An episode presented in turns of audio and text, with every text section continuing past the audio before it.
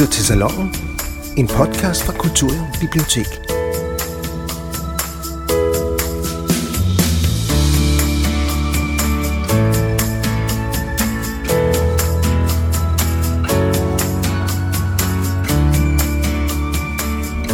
I dette øjeblik meddeles det, at Montgomery har oplyst, at de tyske tropper i Holland, Nordvesttyskland og i Danmark har overgivet sig. Her London, vi gentager. Montgomery har i dette øjeblik meddelt, at de tyske tropper i Holland, Nordvesttyskland og Danmark har overgivet sig. Her er London. Ja, sådan lød budskabet den 4. maj 1945 for 75 år siden. Og øh, det skal jo markere, at øh, vores anden podcast i vores serie Sommerlitteratur denne gang skal handle om historiske mærkedage. Vi skal snakke befrielse, Marianne og jeg. Vi skal snakke genforening. Og øh, ja, hvad der ellers falder os ind. Vi har også kåret en øh, vinder af DR Romanprisen i år. En meget overraskende vinder, men det vender vi tilbage til. Men øh, ellers, hej igen Marianne. Hej Thomas, dejligt at se dig. Det er så dejligt at se Ja, dig altid. ja, ja. Og nu er det jo i den grad blevet højsommer derude. Jeg tror, der er 25 grader og høj sol. Ja. Men vi er trukket indenfor her i Kulturum Ishøj Bibliotek for at sludre lidt bøger igen. Du har taget et par stykker med, og jeg har taget et par stykker med. Ja. Og øh, Vi kan jo i hvert fald sige til en start, nu, nu, nu øh, kan I alle sammen komme ind på både børne- og voksenbiblioteket. Ja. Det, man skal ikke bare hen, eller kun henvende sig i skranken. Nu er der fri adgang til alle vores bøger. Lige alle, præcis. Alle ja. de bøger, vi taler om, kan, kunne man, hvis de er hjemme, i hvert fald gå ned og hente på hylden selv. Men altså som sagt, det handler om øh, historiske mærkedage, og det er jo to mærke, der er to store mærkedage i år. Der er 75 år for befrielsen, og der er 100 år for Genforening. genforeningen. Ikke? Så lad os starte herhjemme, fordi øhm, jeg har to bøger, jeg gerne vil anbefale, som handler om øhm, øh, 2. verdenskrig, eller snarere befrielsen af Danmark, og så handler den om bombardementet i Dresden, som også startede ja. i 1945, som en, var en af de store sidste voldsomme bombardementer af de tyske byer. Lad os starte herhjemme. Øh, per Stig Møller, som vi kender som en af de store borgerlige tænkere og forfatter til flere bøger, har udgivet en meget spændende bog, synes jeg, der hedder Sommeren 45 fra overmod til mismod. For et års tid siden havde vi i læseklubben Churchill faktisk øh, retsopgøret, både det i Nürnberg mod nazisterne, men også retsopgøret her i Danmark. Der havde vi det som tema, og der kunne vi virkelig godt have brugt Stig, Stig Møllers bog, så hvis der er nogen af jer, der hører med her, så kan vi jo sige, at det er et meget lille spændende appendix, man kunne bruge i den her forbindelse. Så det, som Per Stig Møller han ligesom fokuserer på i den her bog, det er det her stemningsskift, Ja. der sker i løbet af et halvt år. Fordi der skete jo det, at øh, da Johannes G. Sørensen, som vi hørte i starten, havde sagt med frihedsbudskabet, da det havde lyttet, så løb alle ud på gaderne og, og fejrede befrielsen, men allerede dagen efter, så trådte Frihedsrådet, som bestod af nogle politikere og nogle modstandsmænd jo sammen, øh, og skulle danne en ny regering. For nu skulle man have et øh, demokratisk land op og, op og fungere igen. Og der var jo mange brydninger i det her øh, stemningsskift og i den her periode, fordi hvordan skulle, skulle samfundet egentlig indrettes? DKP'erne, de havde jo taget en stor del af modstandskampen, men de var også i lommen på øh, Moskva-kommunisterne, så de gik faktisk og rumsterede lidt med nogle planer om, at de kunne jo gøre ligesom i nogle af de andre østeuropæiske lande, de kunne slå sig sammen med Socialdemokratiet, lave sådan et enhedsparti, Ja. ligesom vi så i Østtyskland for eksempel, hvorefter de mere eller mindre kunne indføre proletariatets diktatur med hjælp fra Sovjetunionen. Thomas, kan du, kan du huske noget? Stemmer man umiddelbart efter, øh, altså stemmer man i 45? For jeg kan huske, at hvad hedder, min far fortalte, at han har en eneste gang stemt på noget andet end Venstre. Og det var lige efter krigen, der stemte han faktisk på DKP. Ja, ja, ja. Og det er jo det sådan noget, hvor, øh, øh, han siger, han, øh, jeg kan huske, at han altid sagde, at jeg var rystet over mig selv bagefter. Men der må have været den der stemning, øh, altså den der, altså, hvad, hvad, hvad, hvad hedder sådan noget, jubel og hvedebrystdage, og, uh, og, og, friheds, øh, og alt det, der ikke var nazisme, og alt det, der ikke var. Det tror jeg. Og så tror jeg også, at, man, at mange mennesker krediterede øh, Danmarks Kommunistiske Parti for, at de faktisk havde været en af de ledende kræfter ja. i, i modstandskampen. Ja. Jeg mener, de fik en 10-15 procent af stemmerne eller sådan noget, og derefter gik det så ned, jævnt ned ad bakken. Det var helt klart deres, deres bedste valg, og jeg mener, det var i efteråret 45, men... Øh. Det, som Per Stig Møller har gjort, det er, at han har simpelthen nogle af den, den, den primære kilde, han har brugt, det er simpelthen aviserne. Han har sat sig ned meget, meget systematisk og simpelthen læst i avisoverskrifterne, læser igennem aviserne, hvad der sker, de forskellige ting og sager. Sådan en rigtig bibliotekar-type. Ja, ja, det må man sige. ja.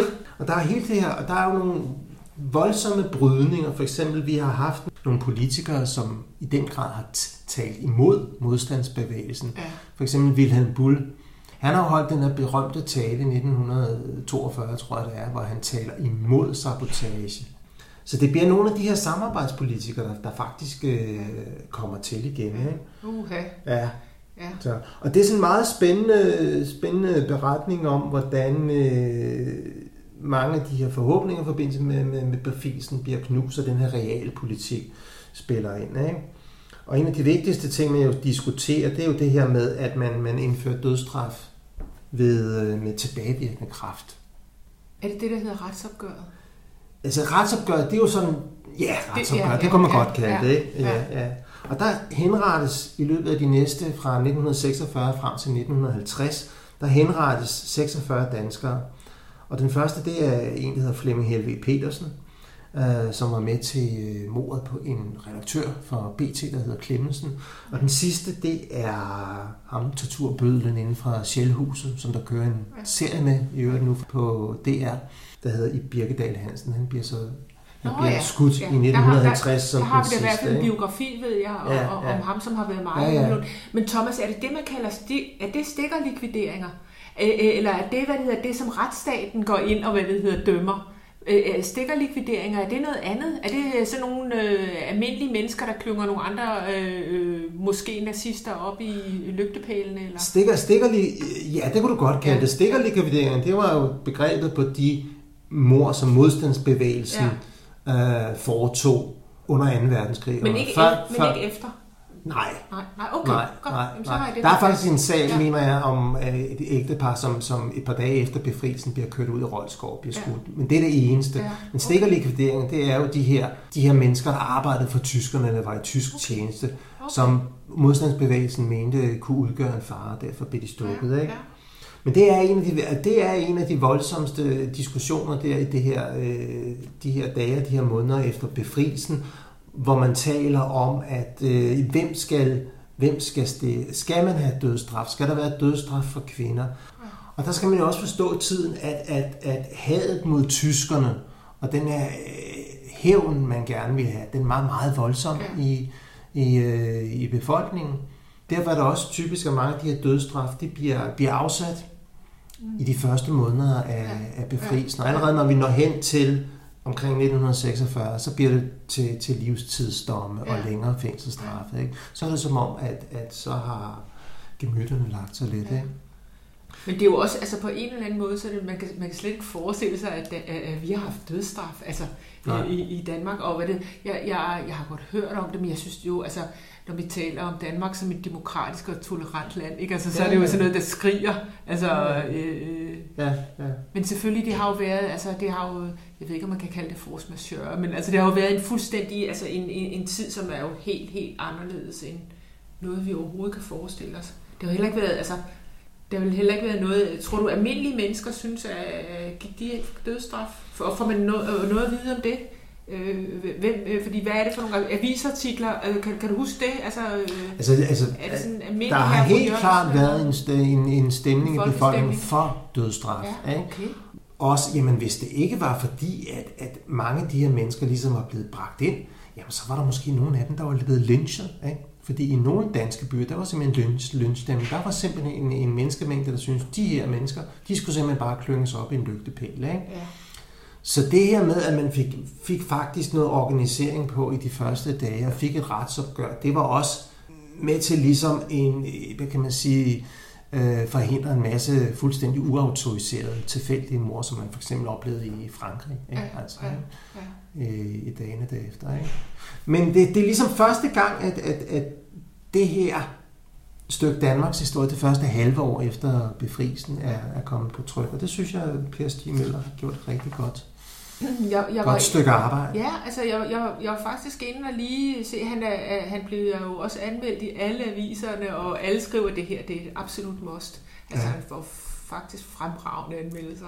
Ja. Øh, så jeg tænker, det her er jo en, øh, en fornem øh, fremstilling af efterkrigstidens politiske landskab. Ja, så tak for, for din an, øh, anbefaling, Thomas. Jo, tak. Men jeg tænker, sådan, sådan en som mig, der overhovedet ikke kender noget til får den lige Ja. lyst til at...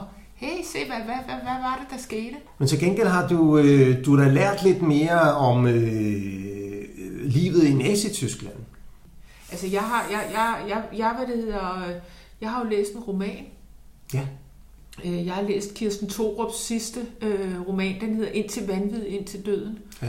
Og nu, når Det har vi, jeg også. Ja, og det har du også. og nu når vi taler om øh, velanmeldt, øh, så må man sige, altså, øh, hun har fået fuldstændig vildt gode anmeldelser. Mm. Og, og, og jeg ved ikke, altså, øh, øh, den sidste roman, hun skriver, øh, øh, har vi jo også begge to læst. Det er romanklubben, og var, vi var måske knap så begejstrede for den. Men hun ender jo med, faktisk med at få Nordisk Råds pris for den. Øh, og så skriver hun den her bog nu, som er virkelig øh, øh, skarpe sager. Altså, den hvad det hedder, foregår i 1942, og øh, det handler om den unge krigsenke Harriet, eller Harriet hedder hun nok, hun er jo dansker, Harriet, som er på vej øh, fra Holte ned til München. Mm-hmm. Hun skal ned og rekreere sig. Hun har en øh, dansk veninde, som bor dernede, øh, som er gift med en øh, topnazist. Og hendes mand, han er lige blevet øh, skudt øh, ved Østfronten. Han kæmpede, øh, han kæmpede øh, i den tyske hær. Han er pilot. Han øh, kæmper mod den røde her. Øh, mm. simpelthen. Der bliver han skudt øh, som 39-årig. Og så hun, står hun der alene med sine to små drenge. Dem, hvad det hedder, placerer hun så på et, øh, et øh, børnehjem i Ålskov, og så tager hun så ned til München. Og hvad det hedder, der tager hun ned til sin veninde, som også er dansker, og så, så start, starter den, den, den, den vildeste historie. Altså, det er jo en kvindehistorie. Man kan sige, hvad det er, det, det vi øh, tit hører om. Og veninden er også øh, gift med en, ja, nazist, hun, ikke? ja, hun er, hun er, hun er, hvad det hedder, ja. gift med en topnazist. Ja. Ja. Øh, Gudrun hedder hun, Ja, ja, manden hedder. Claus. Ja. Og hvad det hedder, de er virkelig, virkelig dekadente og og, og jeg kan, hvis man kan sige klamme, nej det må man jo ikke sige, men, men altså virkelig, hvor, altså, mm. jeg, jeg, jeg var rystet, og det er jo igen det der, hvor, hvor man siger, vi har jo hørt så meget om øh, 2. verdenskrig, og vi har jo læst så meget, og vi har jo ja. set film om øh, koncentrationslejre, og så alligevel, øh, man, man bliver overrasket, og man tænker, det her kan ikke være rigtigt. Mm. Men altså, øh, Kirsten Thorup, hun, har, hun havde faktisk ansat en researcher, fordi mm. hun vidste jo godt, at hun havde på en eller anden måde, så, så var der alt for meget stof øh, til hun selv ligesom kunne, øh, kunne researche det, og de tager også ned til München, og de øh, går i alle mulige arkiver og biblioteker og søger oplysninger. Hvad det, hedder, det har li- ligget hende meget på scene, at hvad det, hedder, det skulle sådan være historisk korrekt. Hun har så også mødt nogle mennesker, som har, altså, som, som hvad hedder, har, har oplevet nogle af de her ting. Det er selvfølgelig ældre mennesker, som har fortalt mm. dem, sådan var det. Mm. Øh, sådan, sådan var det at være kvinde. Sådan var det at, at, at leve i Tyskland. Og der må man så sige, når man, selvom at, hvad det, hedder, det er topnazister, Gudrun og, og Claus, der bor dernede, Øh, en kæmpe, kæmpe skur af en villa bor de i, og de har, hvad det hedder, nede i, i, i deres kælder, der bor der alle mulige øh, østarbejdere. Det er sådan, de bliver kaldt Ludmillaer, og det er jo lidt lige meget, hvem det er. Altså, der er 10 forskellige, der, og de dør også som fluer, men de er blevet tvangshus, øh, de er tvangsudskrevet ostarbejdere, som det hedder. Altså det er fra, fra ja. det kunne være ru- russiske øh, kvinder, ja. som, øh, som øh, arbejder øh, i slave-lignende øh, forhold øh, for, for mm. de der topnazister, der har fået tildelt nogle Ludmillaer. Ja. Ja, hvad det hedder, øh, jeg, jeg, jeg, jeg synes, den, den er måske ikke helt let at læse. Altså, øh, øh, øh, Kirsten Thorup har sådan noget med, at hun øh, skriver 400 sider prosa bare nærmest i et stræk. Altså øh, ikke nogen afsnitter, mm. ikke nogen øh, opdelinger, og også meget sådan korte, abrupte sætninger. Mm. Men når, så synes jeg, når man kommer i gang, så er det ligesom, hvad det hedder, er, er, er også hendes, øh, hendes, øh, måde at skrive på, den bliver også sådan klaustrofobisk og grusom mm. og meningsløs, ja. så det hele bliver sådan, på en eller anden måde, man sådan ender i sådan et, ja. et, et, et, vakuum og et skrumperum, ja. hvor man ja. sådan, det hele det er sådan, det, ja. det, det, det, det handler om overlevelsesstrategier, ja. og hvordan, øh, hvordan kommer man videre. På et tidspunkt, Harriet, hun vil jo hjem, så kan hun ikke komme hjem. Man kan ikke bare rejse hjem. Og det er også det, det rystede mig virkelig. Ja, ja, altså. ja, ja. Jeg tænker, at uanset om man interesserer sig for, for den der periode af 2. verdenskrig eller ej, så er den jo under alle omstændigheder et studie i øh, menneskelig moralsk det er out, ikke? Ja. Vi oplever et folk, som, altså på togbogen kommer ind, er det der i efteråret 42 eller sådan noget, der begynder de at sidde fast over i Stalingrad. Krigen er så småt ved at vende. De fik ikke bare lavet det her lebensramme i løbet af et par måneder, ikke?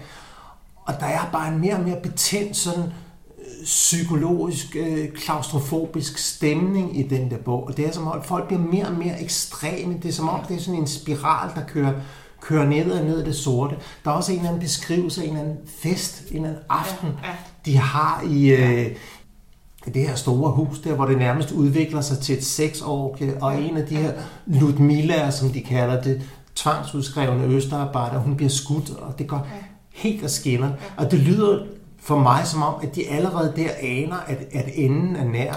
og så kaster man sig bare ud ja. i de her øh, fuldstændig ekstravagante, dybt øh, amoralske ja, handlinger. Det, dekadente. Dekadente, altså, ja, dekadente ja, og amoralske. Det, det, det, ja. der, det der er sjovt, fordi jeg synes jo, hvad det er hovedpersonen uh, Harriet, hun ja. er altså også sådan en, altså hun er sådan en, uh, lidt, altså hun er jo ikke, jeg, jeg tænker ikke på hende som nazist. Altså, ja. det, det, det må jeg sige, det gør jeg ikke. Hun har mødt sin mand øh, på, på øh, Ollerup mm-hmm. Gymnastikhøjskole. Øh, hun er sådan lidt kæk og måske en lille ja. smule naiv, og så hvad det hedder, mm. går hun ind for det der sådan, øh, med kropskultur og rank øh, mm. og marchere og, ja. og, og, og, og hvad det hedder det. Det er meget sjovt, fordi vi snakkede, Thomas, om det der med, at øh, der er hvad hedder, en, der hedder Hans Bunde, som har skrevet en bog om ham der Niels Bull, som var, var leder på, på øh, Ollerup. Ja, Buk. Buk. Buk. B, som var, var leder på, på Ollerup øh, Gymnastikhøjskole. Han var jo øh, han var også en lidt skabsnazist, og så var han øh, så ovenikøbet homoseksuel, hvilket hvad det hedder, han holdt meget, meget hemmeligt. Men der handlede det også om det der körperkultur og frejes körperkultur og æstetik omkring kroppen. Ja øh, og identitet og national, øh, nationalisme. Ja, Måske ja, ikke ja, ja. nationalsocialisme, men i hvert fald nationalisme. Ja. Så det er jo også altså, ret interessant, hvis der er nogen af jer, der har, har, har lyst til at hvad det hedder, gå lidt videre, når I har læst Ind til vanvid, ind til døden som jo er altså gefundenes frissen, siger jeg. Det synes jeg er så sjovt. Men det er faktisk, altså hvis man har en lille forkærlighed for 2. verdenskrig, som ja. du jo også har, ja, som, jeg ja, også, sikkert. som også, jeg også kan have en snært af, så er det en fantastisk øh, bog. Jeg synes i hvert fald, den var imponerende. Imponerende, ja. sådan en, en, lidt ældre dame, som Kirsten Thor, hun lige kan, ja, kan, kan, kan spøge sådan en ud, ja. ikke? Så... Hun, hun, hun har fortalt i interviews, at hun har, hun har haft den i sig altid, altså ja. fordi hun kender faktisk øh, hun kender øh, en person, mm. som øh, ligger til grund for, for den unge krigsænke ja. Harriet. Øh, så hun har ligesom vidst, at hun skulle skrive den. Hun har bare ikke ligesom, hun har ikke syntes, at det var tid, eller, og hun havde måske også en lille smule modstand på 2. verdenskrig. Også fordi hun er sådan, øh, hun, er, hun er født lige efter. Så ja. altså, hun, hun, ja, ja. hun er måske hun var blevet stopfodret lidt med, med for, for meget tyskeri. Ikke? Hun ja, orkede det ikke. Og så nu her øh, i en alder af 78, så Ja. Bam, så leverer hun bare varen. Simpelthen. Super flot. Måske en af hendes bedste romaner. Ja, det, er, det må jeg sige. Altså, ja. virkelig. Altså, ja. Det er uh, imponerende. Ja. Det er ja. intet mindre. Her med mine anbefalinger. ja. ja. Den næste her, som, som, øh, som jeg vil anbefale, der bliver vi i Tyskland mod slutningen af krigen, og det bliver så to og et halvt år efter i foråret 1945, der sker der det her bombardement af Dresden og det er jo et øh, bombardement og en, en tragedie, kan man sige, ud af mange i, verdens, øh, i 2. verdenskrig, men den er blevet omgivet med meget mystik, også i forhold til, jamen, hvor stor en tragedie var det virkelig? Var det i virkeligheden en krigsforbrydelse? Var det et af tyskernes store ofre? Og jeg ved da selv, at i, i Tyskland har man i mange generationer, i mange år, markeret den her begivenhed som... Øh, som øh, hvad hedder det nu, en stor tragedie, et stort tysk offer og en krigsforbrydelse. Det, der sker, det er, at Dresden, det var jo, en, hvad hedder det nu, en uh, utrolig flot by i øvrigt, altså, ikke? Man kaldte den Elbens Firenze, og det var en meget smuk by, og den var fuld af kunst og kultur, ja. og pragtfulde gamle bygninger, ja. renaissancebygninger og sådan noget. Og så bliver den ramt fra den 13. februar 1945 om aftenen af tre voldsomme bombardementer. Dels udført af det engelske Royal Air Force, men også bistået af amerikanske øh, flyvere. Og ham der Kurt, Kurt Vonnegut, han har jo også beskrevet i den der bog, der hedder Slagtehus 5. Og det er et forfærdeligt bomberi, øh, bombarderi, som koster, og der er man så stadigvæk sådan lidt uenig. Nogen siger 100.000, de officielle tal siger 25.000. Ja. Tyskerne, mange tyskere selv siger, der gik en kvart million mennesker til. I det her bombardement. Og problemet er med, med alle de her bomber, der bliver smidt, og der bliver smidt rigtig mange, der, der udvikler sig de her ildstorme, som simpelthen sluger alt på sin vej. Det er glas, der splinters, asfalten smeltes, og så bliver folk simpelthen kvalt nede i de her øh, beskyttelsesrum. Der er nogle forfærdelige beskrivelser af, de har sådan nogle store kar med vand stående mm. på forskellige gader, netop for at beskytte sig mod, mod bomberaids og så videre. Mm. Og fordi det er så varmt, så kravler folk op i de her store kar, der står med vand de forskellige steder i gaderne. Og der bliver de simpelthen kogt. Ej. Fordi det er, altså, fordi det simpelthen er, er så varmt. Ikke? Det, som gør den her bog spændende, det er også sådan lidt det der forskellige, øh, det, det, det fortællemæssige greb, der er, som forfatteren Sinclair Marquet hedder han, bogen hedder Dresden 45, Ilden og Mørket, hvor det hovedsageligt er lagt på henholdsvis bombepiloternes historie og offrenes. Mm. Man kan sige, en af de pro, mere prominente øh, ofre, som så for bombardement, men som slap med, med, med, med, med livet, det er jo ham her, den, den jødiske professor Victor Klemperer, som Nå. også har beskrevet det. Ja. Nå, okay. Ja. Og det, som det gjorde, det her bombardement for Dresden, det gjorde faktisk, at han ligesom, ham og hans kone, de kunne ligesom slippe ud af Dresden i ly af det her bombardement. Ja, ja.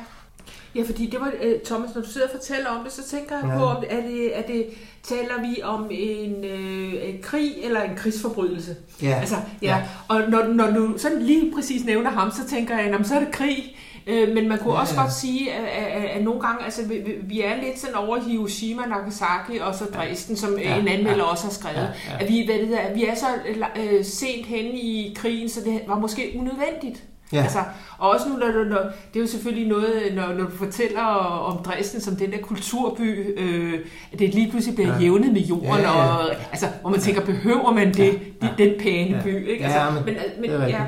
Altså så vidt, uh, som, som Sinclair Marquet skriver her, der var uh, bombning, det var simpelthen et, et krav fra russerne. Nå, okay. Russerne var på vej mod Berlin, Ja. men, men, men Dresden stod i vejen. De kunne Mm. simpelthen ikke komme udenom, fordi de forsvarede sig så hæftigt for Dresden. Ikke? Så de havde brug for, at de vestlige allierede, det var det jo på det tidspunkt, Ja, før ja. den kolde krig gik Ja. ned, ikke? Uh, at de simpelthen bombede Dresden. Ikke? Men det var også en helt klart, så kan man øh, kalde det en, en, en kynisk kalkule, eller Ja, man ville ramme tyskerne på det civile liv, og man ville ramme dem også på kulturen. Ikke? Men der var også nogle argu- helt logiske argumenter for, der var for eksempel rigtig mange troppetransporter Ja. I, øh, i Dresden. Der var rigtig mange tyske soldater, som, blev, som, som udgik til forskellige destinationer, hvor Dresden var øh, knudepunktet. Og der var flere andre gode øh, argumenter for, at man måske faktisk blev nødt til at bombe Dresden. Men altså, hvordan vejer man sådan noget op igen? Jeg skal ikke gøre mig til, til, til, til moralsk herre over, hvad der var rigtigt eller forkert. Og igen, det er 75 år siden, det skete nu her i år. Når du, du, du sidder og taler om faglitteratur, jeg læser jo primært skønlitteratur, så vil jeg høre, hvordan, øh, altså når du læser sådan en bog, øh, læser du den så som noget faglitterært, eller er den også sådan sprogligt, øh, øh, at, øh, så, kan, kan du få den der skønlitterære følelse, når du sidder og læser sådan en bog? Er du, øh, eller forstår du, hvad jeg mener? Jamen, jeg forstår udmærket godt, sådan, hvad du øh, mener. hedder, øh, for mig handler det jo øh, ofte øh, om øh, sproget i, Ja. ja. i en roman. Altså her tænker jeg sådan, Ja. er, det, er det facts og tal, og, eller øh, øh, føler du det som... Øh, som Altså, det er jo lidt, jeg vil sige, det er lidt en blanding. Det, Ja. det er måske ikke det, jeg falder i søvn til. nej, Fordi der, der, der, det er jo en, en, en, en, en faktuel bog. Men når det er sagt, er der jo nogen, der skriver bedre end andre. ja. Uh, ja. Og der er jo nogle historikere, en Anthony Bieber ja. for eksempel, og den danske Jakob Sørensen, som virkelig er gode til at uh, beskrive de her ting, så man i et vist ja. sted uh, får sine følelser med, forstår du, hvad jeg mener, bliver påvirket af det. Ikke? Hvorimod nogle andre bøger, jeg har læst, har været enormt sådan nøgterne og faktuelle og mere videnskabelige. Ikke? Så det er sådan lidt forskelligt. Men nej, det er noget andet at læse ja. Øh, romaner, det er det. Og jeg, kan, jeg tror godt, jeg kan lide en kombination i virkeligheden. Ja, det jeg tænker, altså det er for eksempel øh, øh, vores øh, Book Swinty. Han, han, han, øh, han øh, populariserer jo nogle, nogle, øh, nogle historiske emner for nærmest hele Danmark til at læse om, øh, om øh, øh, krigen 1964 eller sådan. Ja. Jeg tænker, at hvad det hedder, Sinclair, er han sådan en, hvor man øh, også er suget ind i den gode historie og sådan? Øh. Jeg synes, han har nogle gode historier, ja. fordi det, han, han fokuserer på, det er, det er, det er offrene ja. for den her beslutning, og det er ikke kun øh, menneskene på jorden, ja. men det er også de piloter, der må bombe. Ja. Det er hans fortællingsmæssige greb, og det synes jeg, han gør rigtig godt. Og i forhold til Sinclair, han har en idé om, at alle er mere eller mindre ofre ja. i en krig. Ikke? Ja. Så, ja, men det, det, det, det betyder vel egentlig, at os, der elsker romaner, vi kunne måske også... Øh, øh, Ja. Jeg til at kigge over i historiebøgerne og finde noget, der... der, der man kan sige, at har man læst to år, så er der i hvert fald ja. lidt mere perspektiv ja. på, hvad der, ja. der, der skete ja, øh, i den ja. periode i Tyskland. Historiske mærkedage, og jeg tror heller ikke, vi kommer udenom at snakke lidt om genforeningen. Og der har kørt en stor serie i DR. Det har virkelig været op på alle, ja, det må man sige. alle heste. Ja. Men øh, vi læste også ja, det, det har jo været sådan, at hvad det er, vi er jo begge to i DR Romanklubben. Øh, ja. Og en af de nominerede bøger, det var Anna Elisabeth Jessen som 100 år, som vi læste, som den mm. sidste roman. Mm. Og hvad det hedder, da vi øh, stemte øh, bøger videre, der var det den, der fik allerflest flest stemmer her fra Ishøj.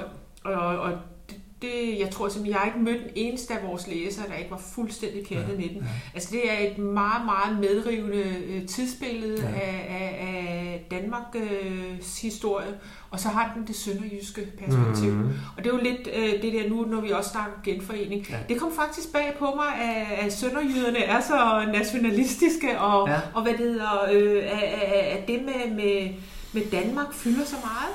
Ja. Altså, og så tænker jeg, om det var noget generationsnået, men det er jeg ikke sikker på. Altså, jeg tror simpelthen, at, at, at når du er bor ved en grænse, eller, og måske engang har været tysk, og sådan, altså, så, så Ja, jeg har været tysk, øh, og, og måske har haft øh, forfædre, som har været tvunget i tysk militærtjeneste. Ja, Ikke mindst under Første ja, verdenskrig. Under før, ja, det er jo faktisk ja. også en af de ting, der sker i ja. øh, om 100 år. Det er, hvad ja. det hedder, en af hovedpersonerne, han har, har været i, ja. øh, i øh, øh, på tysk side, må, ja. eller måtte kæmpe på tysk ja. side ja. Øh, under Første verdenskrig. Og det, det var jeg virkelig også overrasket over. Jeg, det anede jeg ikke. Og Thomas, du fortalte mm. jo, der er jo sådan nogle kulturrejser til øh, sådan nogle steder øh, nede i Frankrig, hvor man kan besøge øh, kirkegårde, hvor der ligger mindesmærker, ja, mindesmærker ja, hvor der ligger danskere. Meget overraskende ja. for mig. Ja. Men til alle jer, der ikke har læst om 100 år, så skal I lige skynde jer herned, fordi den er faktisk helt fantastisk. Det er sådan en slægtsroman, som øh, ja, bare er en, en vidunderlig Danmarks historie. Ja, ja og det, det, det gør, den er en vidunderlig Danmarks historie, som netop foregår i, i Sønderjylland. Men jeg synes også, den, den ligesom blot lægger lidt, og det gør den her øh, bog også, jeg lige vil nævne i det her øh, åndedrag. Grænsen er noget afstemningsplakater for Grænselandet, som jo er en illustrativ bog om, øh, hvad hedder det nu, afstemningsplakater op til genforeningen 1920. Ja. Jeg synes også, de illustrerer lidt begge bøger, at måske var vi ikke så danske alle sammen, da det kom Nej. til stykket. Og for, for mange tyskere nede i det her grænseområde, der er genforening ikke sådan en glædelig nationaldag. Der var det faktisk den dag, hvor man delte Slesien af. Og det synes jeg også, øh, nogle af de her afstemningsplakater, også de danske, bærer lidt for, at man er lidt forskellig ja. øh, med, hvordan, hvilket forhold man har til Danmark og som, og, som, og som dansker. Og vi glemmer jo også, at den her afstemning, byer som, som Tønder, Åben Rå og Sønderborg, de ville faktisk helst øh, høre til Tyskland. Ja, ja, ja. så det er bare for at sige, at det her er sådan meget rosenrøde nationale øh, stemning, som jeg synes, vi til stor del oplever i den der DRC. Altså, det var altså lidt mere broget. Det der billede var lidt mudret, ikke? Altså, ikke? Men i vores nationale følge, altså sådan vores nationale optik som danskere, så er det jo sådan en, en fantastisk glædelig ting, ikke? Der ham der, Christian, rider over grænsen på sin, sin hvide hest. Sin hvide hest, ja. Sin hvide hest. Thomas, det er jeg rigtig glad for, at du siger, fordi jeg lige pludselig så tænker jeg sådan, ej, det er tre måneder siden, jeg har læst den. Og det, du har jo fuldstændig ret. Ja. Det er jo naboer, der, der har forskellige øh, holdninger til, Ja. til tingene, og øh, jeg kan også huske på et tidspunkt, der er nogle russiske øh, krigsfanger, Ja, som øh, øh, kommer til at betyde rigtig, rigtig meget for nogle af de der øh, øh, hovedpersoner. Ja. Øh, så hvad det, hedder, det, øh, tingene har jo ikke været sort-hvide, nej. Nej. nej. det er rigtigt Og selvfølgelig i sådan et grænseland, der er der jo også øh, tysksindede, der forelsker sig i Ja. dansksindede, og, og de ting, der så kan opstå der. Ja, Øh, og det oplever man jo også. Altså, øh, ja, ja, ja. øh, men det er meget skiftende perspektiver, ikke? Altså, øh, øh, fra, fra person til person. Næste gang skal vi snakke noget, øh, vi- finder et, på et tema, vi skal snakke noget øh, livsfilosofi og, Ja. og anskuelser, men, Ja. men inden vi slutter for denne gang, så skal vi jo sådan lige snakke om, om denne øh, års vinder af DR Romanprisen. Ja, altså... Øh, Carsten Møller Nielsens De døde fylder dagene med en smag af mønter. ja. En meget positiv overraskelse, synes jeg, hvis jeg sådan... Ja, det, det må man sige. Altså, Ja. ja. hvad det hedder, for det første, øh, Thomas, var du ikke overrasket, da den blev nomineret? Jo, jo. Ja, altså, øh, Ja. ja. jeg, jeg, jeg, må, jeg, jeg skammer mig helt ved at sige det, men jeg, har, altså, jeg, havde, øh, jeg havde ikke rigtig hørt om ham som forfatter, og han har faktisk skrevet siden 2010. Øh, Ja. han har skrevet en øh, historie om en øh, mand, øh, som kommer til en øh, lille by i øh, øh, et af de baltiske lande. Jeg kan ikke engang huske, hvad det er for et land. Og han, øh, hvad det hedder, køber sig en prostitueret, og hun skal lytte til hans historie fra Tjernobyl. Ja. Han har været en af dem, der har skulle øh, rydde op efter ulykken. Og øh, han starter sådan lidt, øh, hvor det er en ene tale, hvor han fortæller om, at det er jo helt skrækkeligt, det der, der er sket. Sådan noget mm. med, de må, de, de må øh, tage ind i bygningerne, sådan, øh, jeg tror det er 35 sekunder ad gangen, og det ender jo med, at de er der i, i 2, 3, 4 Ja. ja. minutter. Og så derfor, da han kommer ud, så er han jo selvfølgelig døende. Han har jo fået overdosis øh, af stråling. Han fortæller den der øh, prostituerede, som han har købt for natten, øh, om sin historie, og hans ene tale ender med at blive en samtale, fordi hun har jo en historie, øh, der, der er lige så grå.